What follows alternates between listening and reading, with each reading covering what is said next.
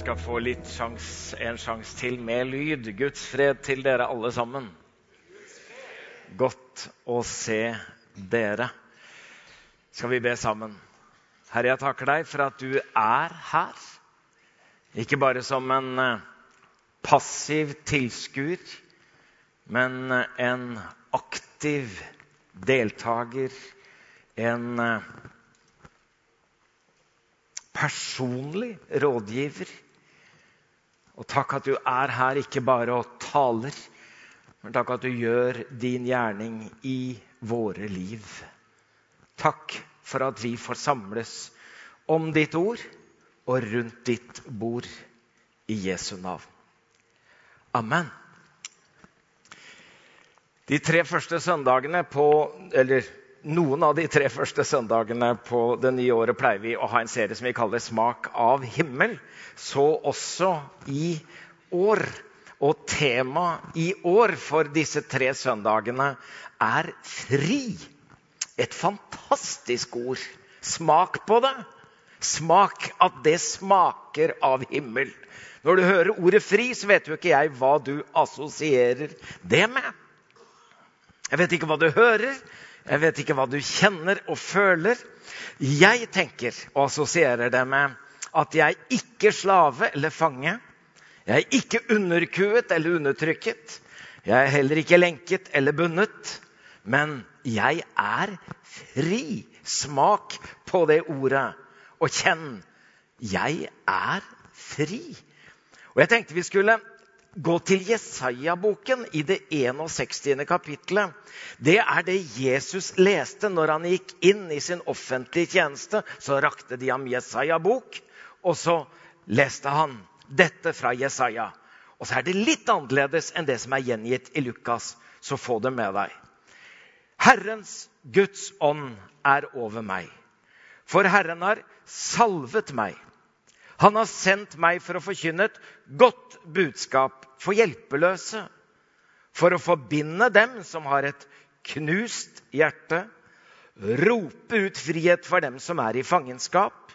Og frigjøring for dem som er bundet. For å rope ut et nådens år fra Herren.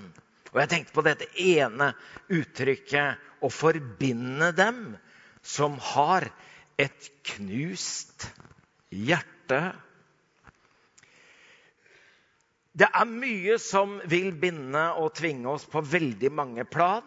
Så dette ordet 'fri' kunne jo åpne opp for mange temaer. Men vi har valgt å sette fokus på tre områder som vi alle, uten unntak, er berørt av, og som vi har erfaring med i større eller mindre grad. Så i dag skal vi snakke om sår. Neste søndag skal vi snakke om skyld. Om den tredje søndagen skal vi snakke om skam. Om ustelte sår som verker i hjertet, om uoppgjort skyld som gnager i sjelen, og uforløst skam som ødelegger livet. Er det noe rart at vi vil snakke om å være fri? Jeg har lenge tenkt at vårt liv består av en synlig del og en usynlig del. En bevisst en, og en ubevisst del. Og da tenker vi at det som er usynlig, det som ligger i sjelen, i hjertet, det er det som kommer til uttrykk, kommer til overflate i handlingene våre, i holdningene våre, i reaksjonene våre. Rett og slett som driver det jeg sier, og det jeg gjør, og hvordan jeg reagerer. Da snakker vi om høna og egget, da snakker vi om årsak og virkning. Da snakker vi om at hvis det synlige er produktet, da er det usynlige fabrikken. Det er det som produserer.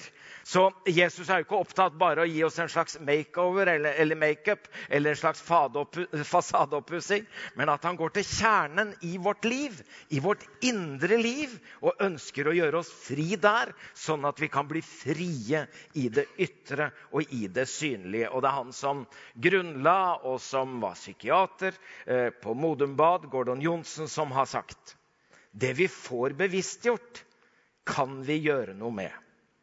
Det vi ikke får bevisstgjort, gjør alltid noe med oss. Så et ønske disse tre søndagene det er rett og slett å øke bevisstheten om det ubevisste, det usynlige, det som sitter i vår sjel, i vårt hjerte, som påvirker både vårt liv og livet til de som er rundt oss. Altså det vi får bevisstgjort, det kan vi gjøre noe med. Men det vi ikke får bevisstgjort, det gjør alltid noe med oss. Jeg har tre enkle punkter. og Det første er vi er sårbare. Vi blir utsatt for noe og noen som rammer oss. Noe og noen som gjør oss vondt, og som gir oss sår, bevisst eller ubevisst. Så det å være menneske er å bli såret også. Det er en del av vårt liv. Smerter, fornærmelse, tap er uunngåelige sider ved livet. Vi blir såret mer eller mindre hver eneste dag. Og det som er paradokset eller mysteriet, det er at det finnes ingen nærhet uten sårbarhet. At det beste ved vårt liv, evnen til å elske, det beste ved vårt liv, evnen til å bygge nære relasjoner sammen med hverandre, i familie, i ekteskap, i vennskap, er det som også gjør oss mest sårbare, og som kan såre oss dypest og skade oss aller mest. Det er jo det som gjør livet så skjørt. For ingen av oss ønsker å bli usårbare. For hvis vi blir usårbare, blir vi umenneskelige. Sårbarhet er vår menneskelighet. Og uten denne sårbarheten så finnes det ingen nærhet. Og det vil vi jo ikke velge. Så må vi leve dette såre, skjørbare livet. For hjerte og smerte er jo ikke bare et billig rim. Kjærlighet som stikker dypt, kan gjøre vondt. Og det kan koste oss dyrt. Et merkelig lite vers i profeten Zakaria, det 13. kapittel, det sjette vers. Og noen spør ham, 'Hva er det for sår du har på kroppen?' Da skal han svare, 'Jeg er blitt skadet i mine venners hus.' Kanskje det ikke er dine fiender som skader eller sårer deg mest, men dine aller nærmeste de du kanskje til og med har elsket aller høyest. Jeg lagde en ordsky med noen ord som jeg knytter til dette å bli såret. og Derfor har jeg skrevet inn avvist, misbrukt, ydmyket, forkastet, mobbet, bedratt, sveket, forlatt, utstøtt, foraktet, ekskludert. Altså, Noen sår i sjelen er litt sånn som skrammer, eh, skrubbsår på huden. Vi, det, det, var sårende, men, men det går jo over. Eh, og, og, så tenker vi at det er jo ikke så farlig. Vi, vi kommer oss forbi disse skrammene og skrubbsårene. De leger seg litt av seg selv. Men så kommer det noen dype kutt som gir åpne sår. Og de sårene de må behandles sånn at de kan leges. Og så er det sant for oss alle at sår som vi fikk i barndommen, som var dype og skapte åpne sår, er det ikke nødvendigvis sånn at tiden leger alle sår, men snarere tvert imot at tiden leker med alle sår. Så det som vi trodde var tilbakelagt, dukker opp i en sammenheng, og som skaper en overreaksjon fordi det ikke viste seg å være lekt. Eller vi gjør og sier og reagerer på en måte som vi egentlig ikke skulle ønske at vi gjorde, men det har sin bakgrunn i noe. For vi husker jo ikke bare med hodet. Vi husker med sansene, vi husker med følelsene, og vi husker til og med med kroppen, eller for å si det annerledes kroppen har sin egen hukommelse. Jeg har snakket med mange som har opplevd tragiske, store ting. Eh, jeg kunne ha valgt et voldtektsoffer, jeg kunne ha valgt en som har vært misbrukt, vært utsatt for overgrep. Men jeg tenkte jeg har lyst til å bruke en samtale eh, med Helene Bøksle. Fordi den er kanskje mer alminnelig, kanskje mer gjenkjennelig. Eh, Helene er en av våre fremste eh, sanger og låtskrivere. En blanding av folkemusikk, pop og folkrock. Vokste opp på Frydnes, innerst i Harmarkfjorden utenfor Mandal. Og fikk erfare hvor nådeløse og slemme barn kan være mot hverandre. Og hun gruet seg så ofte å gå til skolen. Hun sier jeg vokste opp på en plass hvor man ikke skulle stikke seg ut. Min far var visesanger, og han gikk på elgjakt med paraply og lakksko. Og vi i familien gikk på drama, ballett og dro til Oslo for å se på teater. Vi skilte oss ut på så mange måter. Så jeg sleit med et ekstremt dårlig selvbilde, sier Helene. Og det gikk utover hvordan jeg var i forhold til andre mennesker. Her får du et lite klipp. Den skolebussen det var en egen verden, det òg. Hvem som satt hvor, hvem som kunne sitte ved siden av hvem, hvem som fikk være med hvem igjen. Og jeg bodde lengst ute på Neset, så ofte satt jeg igjen alene på bussen. Jeg var den siste som, som eh, gikk av, og ofte på. Uff, det er litt sånn litt vanskelig å snakke om, kjenner jeg. I hvert fall når man kommer på disse veiene her. Det, man møter liksom litt den eh, den jenta i døra der. For jeg spurte om du ble invitert på bursdager i dette litt sånn følelsen av å være utenfor, innenfor, mm. inkludert og ekskludert. Hva var det som hendte? Rett før vi skulle gå av bussen her, så sier hun bare sånn Nei, du kan ikke være med meg likevel. Og så lo hele bussen. At de liksom bare hadde gjort et sånt spill på at, at jeg ikke fikk lov til Egentlig hadde gleda meg og hadde med meg gave og hadde med meg, hadde pynta meg og skulle til bursdag? være Til bursdag, ja. Og så fikk jeg ikke være med likevel. Så fem minutter før vi skulle av bussen så hadde de bare liksom erta meg, så hadde jeg ikke fått noen invitasjoner. Eller sånn, så satt jeg igjen på bussen alene. Eh, igjen, og det husker jeg veldig sånn at mine foreldre skulle liksom De ville hele tida organisere at jeg skulle leke med noen. Og så var det bare disse her. Dette var det nærmeste jeg kom noen jenter å leke med. Så jeg måtte ofte leke med dem selv om jeg ikke hadde lyst. Da visste jeg Her her sto jeg. Det er Frydnes. Her sto jeg og venta på skolebussen. Her på hjørnet her. Ofte så, ventet, så kunne bussen vente på meg hvis han så at jeg kom litt for seint ned i bakken der. Her har jeg ikke tatt med noen før. Ikke? Nei.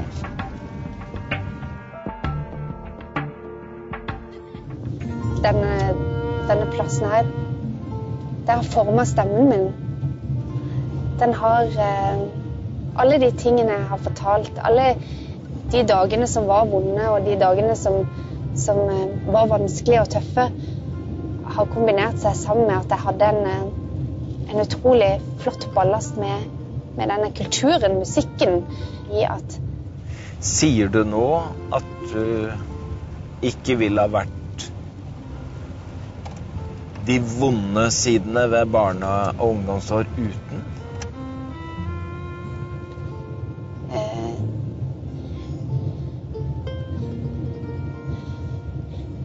Nå kan jeg si det. Men jeg vil ikke at Jeg håper ikke at mine, mine barn Jeg vil ikke at mine barn skal ha, være, oppleve det å, å være utenfor. Man ønsker jo ikke det.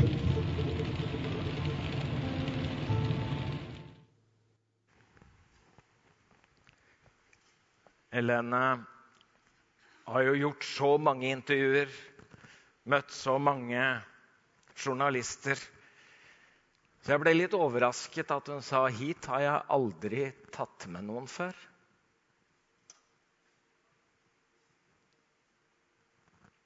Det handler ikke bare om geografi.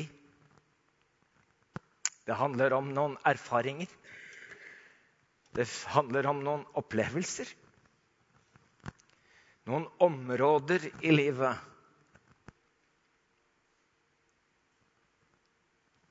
som du kanskje aldri har tatt med noen til.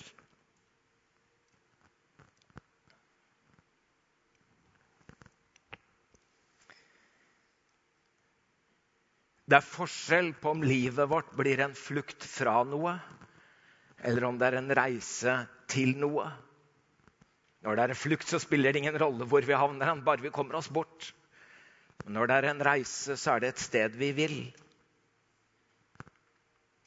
Jeg eh, tenker at Gud ikke bare vil gi oss en ny framtid, men han gir oss en ny framtid ved å gjøre noe med vårt forhold til vår egen fortid.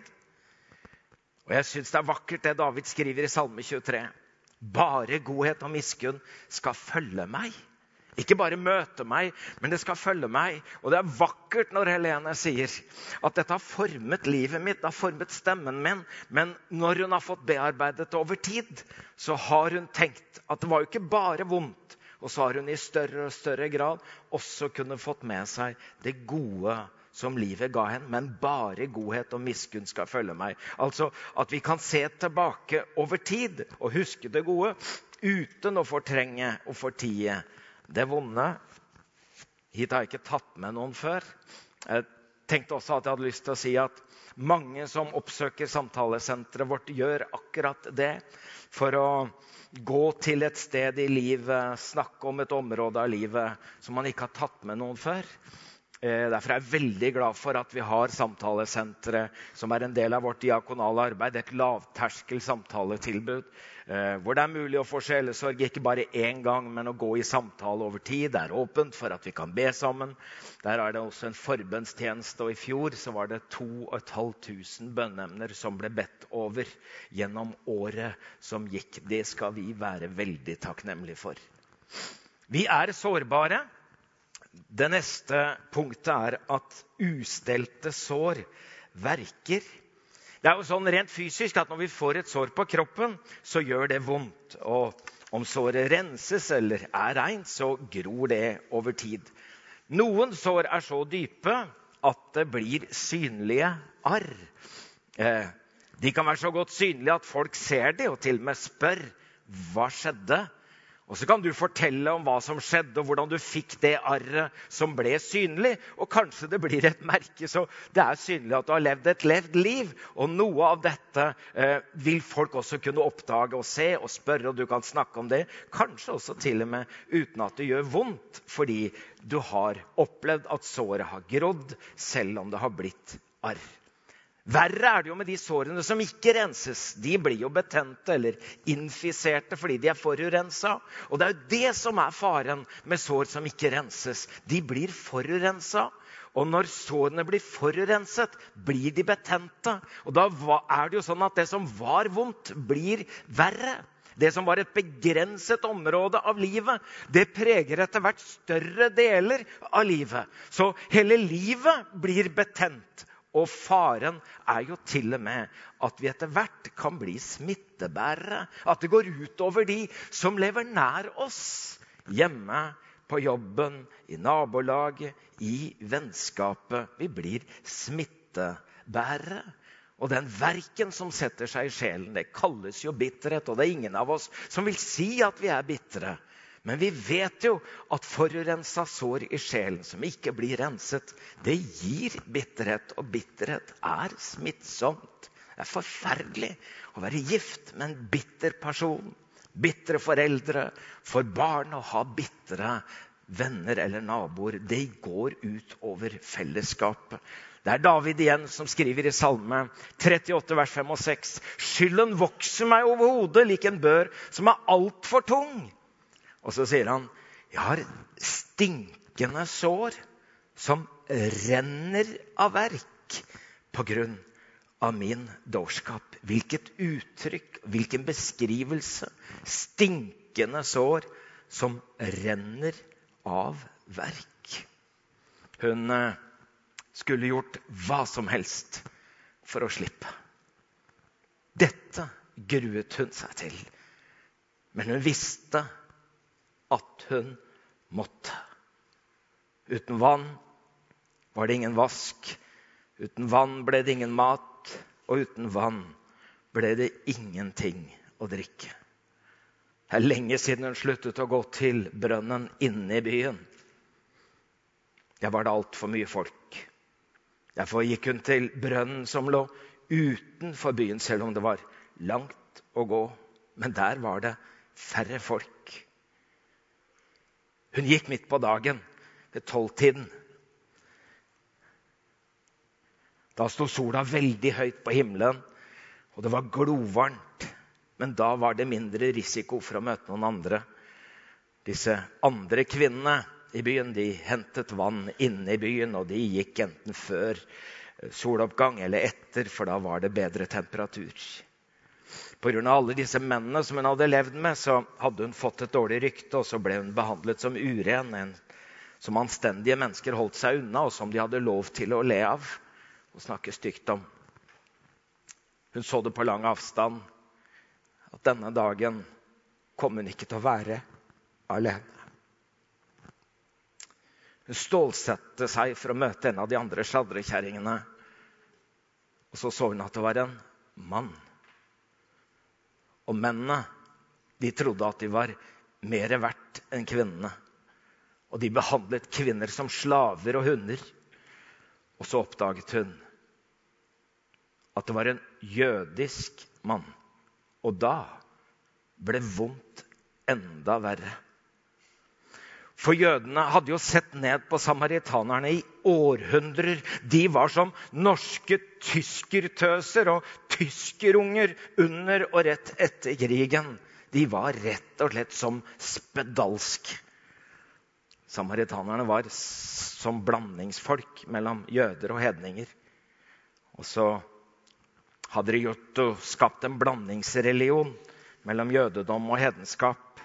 Og hun kjente ikke den mannen som satt på den brønnkanten, men hun kjente til typen, og nå var hun forberedt på det verste. Unnskyld. Kunne du gi meg noe å drikke? Jeg har ikke noe å få opp vann med. Hun holdt på å miste vannkrukka av sjokk. Han skrek jo ikke til henne som en hund. Han kommanderte henne ikke som en slave. Han gjorde seg mindre enn henne fordi han spurte om en tjeneste av henne. Og hun så at han så sliten ut. Han trengte det hun hadde, og han så på henne med respekt, nærmest som om han var sårbar.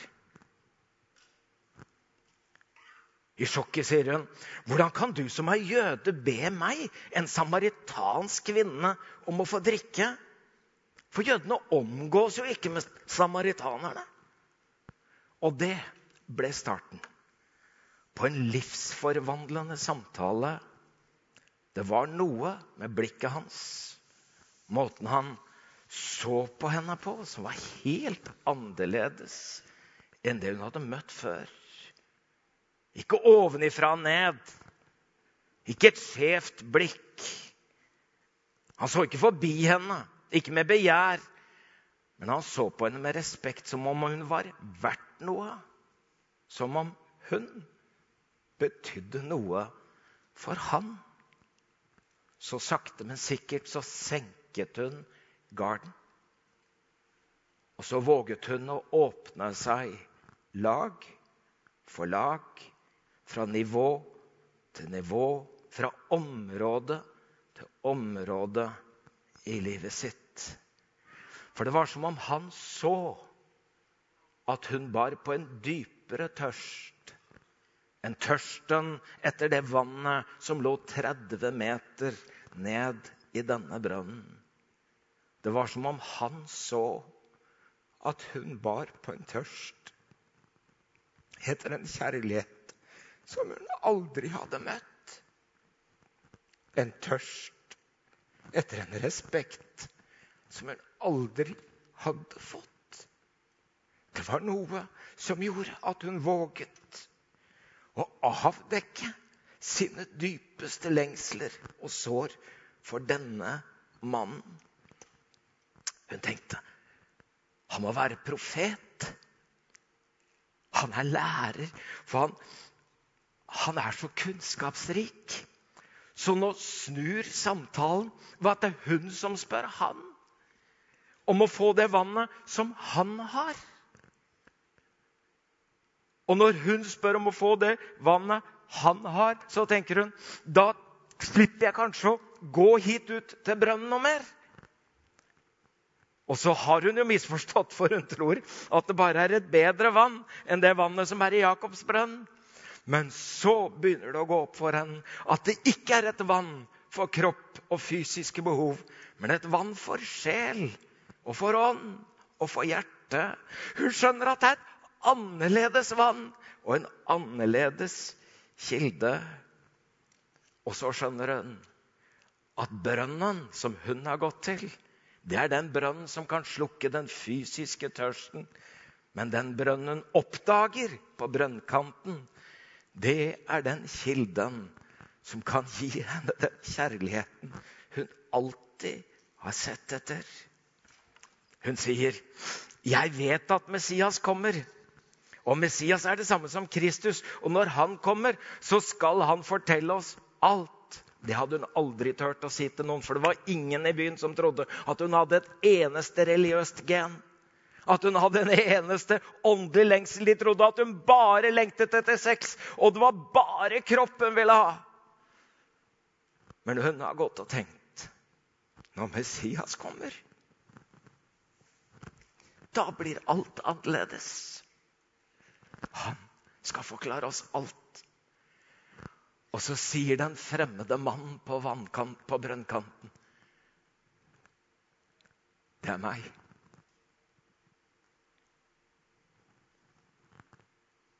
Jeg er her.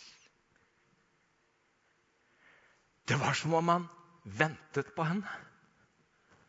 Det var som om han visste at det var hun som kom. Og det var som om det var derfor han var der. Da skjønte hun det. Han er kilden. Og det han er, kan jeg få. Så hun lar rett og slett vannkroka stå og løper alt hun kan. Til de folkene som hun helst ikke ville møte, roper hun ut. 'Jeg har møtt en mann som dere må komme og møte.' For han skulle vel ikke være Messias? Og plutselig så er byen på beina.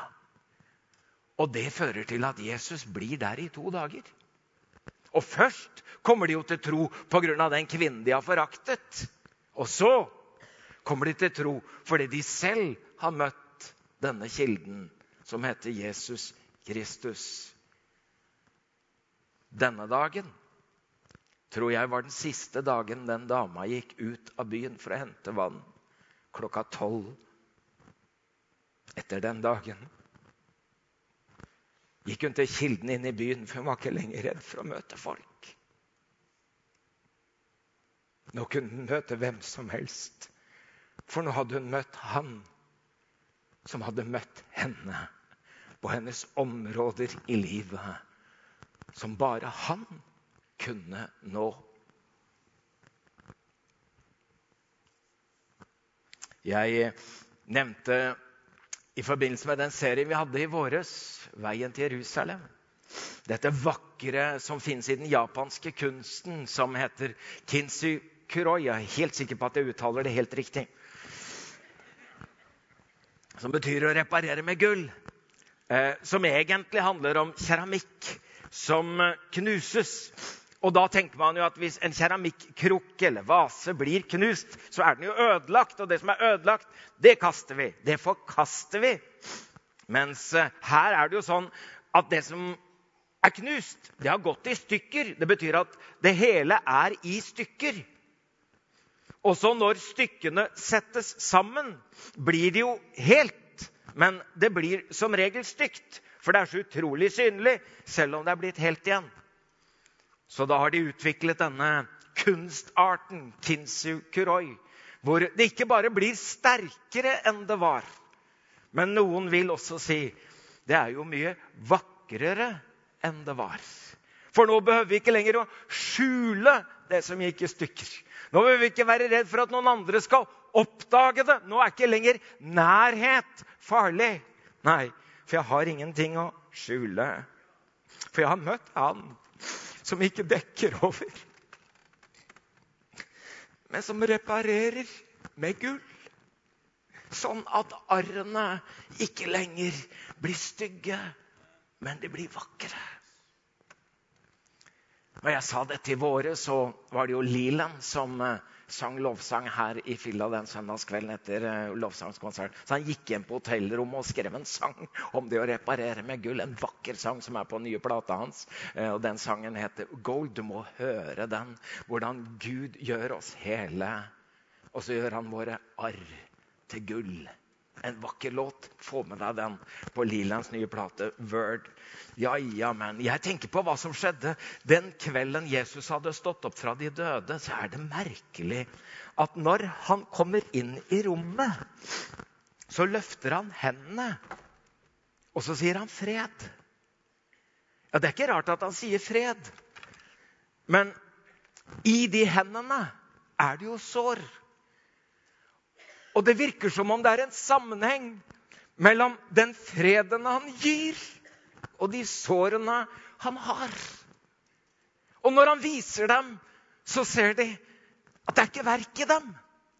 Og verk lik bitterhet er jo hevnlyst. Er det én i Jerusalem denne søndagen som virkelig hadde noe å hevne, han kunne ha gått til politiske, religiøse ledere. Han kunne ha gått til sine egne, full av hevn, med rett til hevn. Fred. Og så viser han dem sine hender med lekte sår. Kanskje det er derfor det står Og i hans sår har vi fått legedom. Kanskje noen i ditt liv ikke behøver å bli smittet av den verken du bærer, men de kan bli lekt av den helbredende kraft du har fått. Den kjærligheten Gud har gitt deg og meg. Det siste jeg deler, er at tilgivelse setter fri. For det verste med verkende sår, det er jo at de holder livet vårt fast i et jerngrep. Og det holder oss fast i de som gjorde oss vondt. Og det holder oss fast i de situasjonene som skadet oss. Vi kommer oss ikke løs. Og det er jo akkurat det at vi ikke kommer løs, som gjør at vi ikke er fri, men blir bundet. Og det er sagt at bitterheten er den giften vi drikker selv i håp om at det er noen andre som skal dø av den. Men erfaringen er jo at de dør ikke, men vi dør gradvis av den gifta vi drikker. Se til at ingen går bort fra Guds nåde. La ingen bitter rot få vokse opp og volde skade, så mange blir forgiftet, står det i Hebrevet 12, vers 15. En som hadde grunn til å være fullt av hevn og hevntank, var Desmond Tutu. Tidligere erkebiskop i Sør-Afrika etter årevis og generasjoner hvor eh, hvite hadde urettferdig, stygt behandlet de svarte i Sør-Afrika. Han fikk Nobels fredspris i 84. Og etter de frie valgene i 94 så fikk Tutu i oppdrag å lede sannhets- og forsoningskonferansen kommisjonen. Er det en som har erfaring med sår, men også med tilgivelse som gir fred og frihet, er det Desmond Tutu som sier tilgivelse kan ikke forandre fortiden, men det kan forandre fremtiden. Det som har hendt, har hendt. Det blir ikke ugjort. Men det som har hendt, behøver ikke å bestemme hva som skal skje. Det behøver ikke å definere framtiden din hvis du bare får gjort noe med det. Da går det an å få en framtid. Det er jo Bjørn Alfseus som synger 'Allting kan gå i tu, men et hjerte kan gå i tusen biter'. Sier du at du er min venn, så er du kanskje det. Men et hjerte kan gå i tu. Og et hjerte kan gå i tusen biter. Han hadde vært eh, med, sammen med Jeg vet ikke om han var gift, men han hadde levd sammen med samme menneske i ti år. De hadde fått barn sammen. Så gjør han den skrekkelige oppdagelsen at eh, Hun som han trodde var trofast, hadde levd sammen med en annen mann i et halvt år. Hadde begynt som fortrolige samtaler som dekket et udekket behov i hennes liv. Disse fortrolige samtalene hadde utviklet seg til fysisk nærhet. Og så hadde dette blitt en relasjon som hadde pågått. Og han visste ikke om det. Og nå skriver han inn til Aftenpostens samlivsspalte og spør kan et såret hjerte leges. Og jeg leser. Det er en del av artikkelen. Såret i meg er stort, åpent. Gud, så vondt det gjør. Hvordan kommer man gjennom noe slikt? I hodet mitt raser bildene av de to sammen. Et voldsomt svik er det hun har gjort mot meg og oss. Endeløs fortvilelse over å ha blitt lurt og bedratt. Vi har barn og over ti års historie sammen. Valgene er flere. Vi kan gå fra hverandre. Vi kan takle dette, eller vi kan late som om ingenting har skjedd. Og så har det slik, seg slik at jeg fortsatt elsker min kone. Og jeg vet at tiden visstnok skal lege alle sår. Og jeg ønsker på tross av hva som har skjedd, å fortsette vårt samliv. Jeg er kanskje en idiot som ikke oppdaget noe. En idiot som tilgir og vil beholde henne. For tilgi har jeg faktisk gjort, og jeg har skyldfølelse over å ha bidratt til dette pga. manglende kommunikasjon. Hun er oppriktig når hun sier at hun angrer voldsomt, men det er jo en del ting som skal bygges opp igjen. Tillit, følelser, trygghet, kommunikasjon. Ja, alle de viktige tingene. Hvor i all verden skal jeg, skal vi begynne? Såret har jo ikke stoppet å blø. Kan et såret hjerte leges? I Salme 147, vers 3, svarer Gud på det. At han leger dem som har et knust hjerte, og forbinder sårene deres.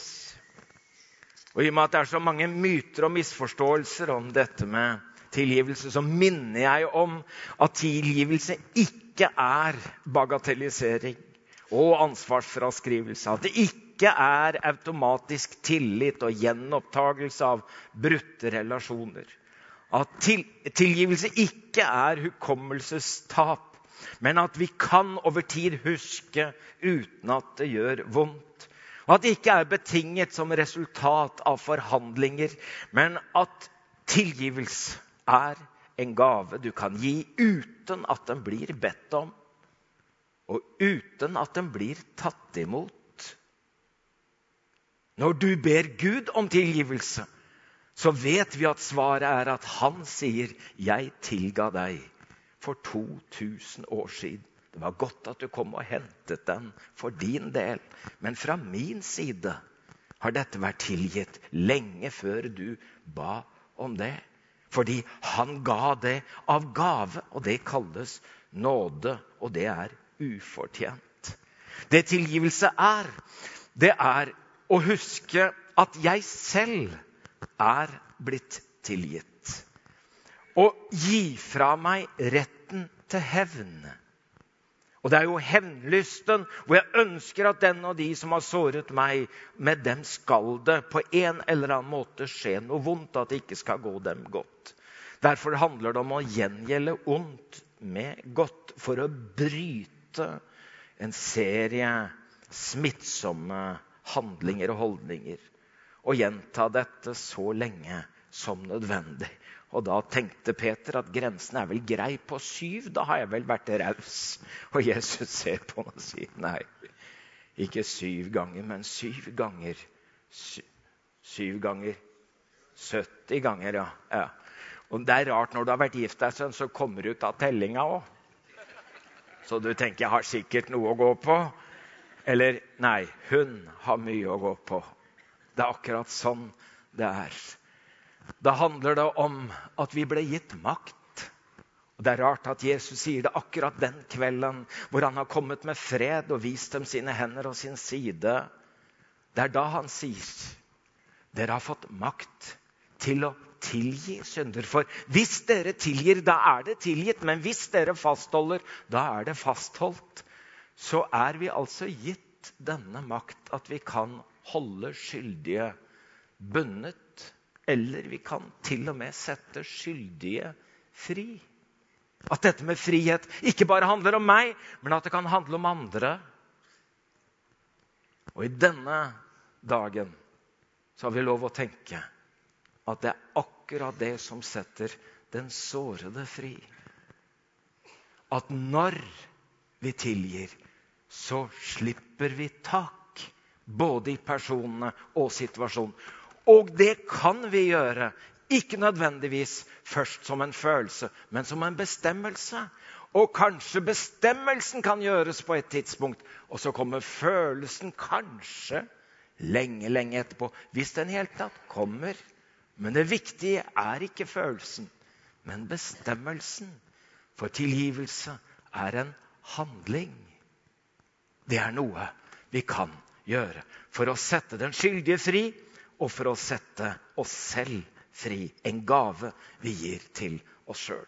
Jeg må ta med fortellingen om Nelson Mandela, som altså har sittet 27 år i fangenskap, gjort et meningsløst arbeid under forferdelige kår på Robben Island gjennom 27 år. Han blir en fri mann. Han tar initiativet til at flere av de som har sittet sammen som fanger og slaver på Robben Island under disse kårene i så mange år, skal møtes der ute. Det er liksom som jeg hører. Hit har jeg ikke tatt med noen før. Men vi må dit. Og etter noen taler og markeringer ber han en bønn. Så tar Nelson Mandela opp en sten fra dette kalkbruddet, hvor han så ofte er blitt prylet og nedverdiget. Og så tar han denne stenen og legger den igjen. Og så gjør de andre det etter hvert, og så blir det et slags monument. Og så sier Nelson Mandela hvis ikke jeg legger hat hatet mitt bak meg, så vil jeg aldri bli en fri mann. Steiner, det kan vi bruke til å kaste med. Hører til med pastorer som snakker at han var bare et steinkast unna. Da blir jeg alltid litt skeptisk. Vi kan også bruke steiner til å bygge murer, solide murer. Men vi kan også bruke steiner til å bygge alter. Vi bor jo på Mortensrud. Alterveggen i Mortensrud kirke er det tre usynlige steiner. Én er hentet fra Berlinmuren, én er hentet fra Robin Island og én er hentet fra Jerusalem. Tre stridsområder som markerer vonde og vanskelige, krevende skiller. Og har man valgt eh, Gunnar Torven, som har laget denne monumentale alterveggen, og lagt det inn i alterveggen fordi det behøver ikke å bli en mur. Det kan bli et møte. Et møte mellom Gud og meg.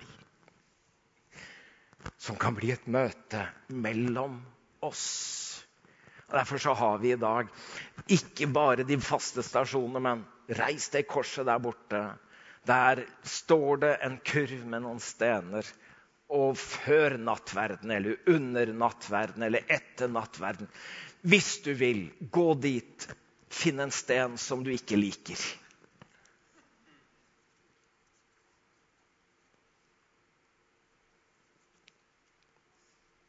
Det fins ingen magi i den. Den er stein død. Men den kan hjelpe deg til et område i livet hvor du ikke har tatt med noen før. Du behøver ikke stå der og si det til noen andre, men mellom deg og Gud, eller mellom deg og han som sitter på den brønnkanten.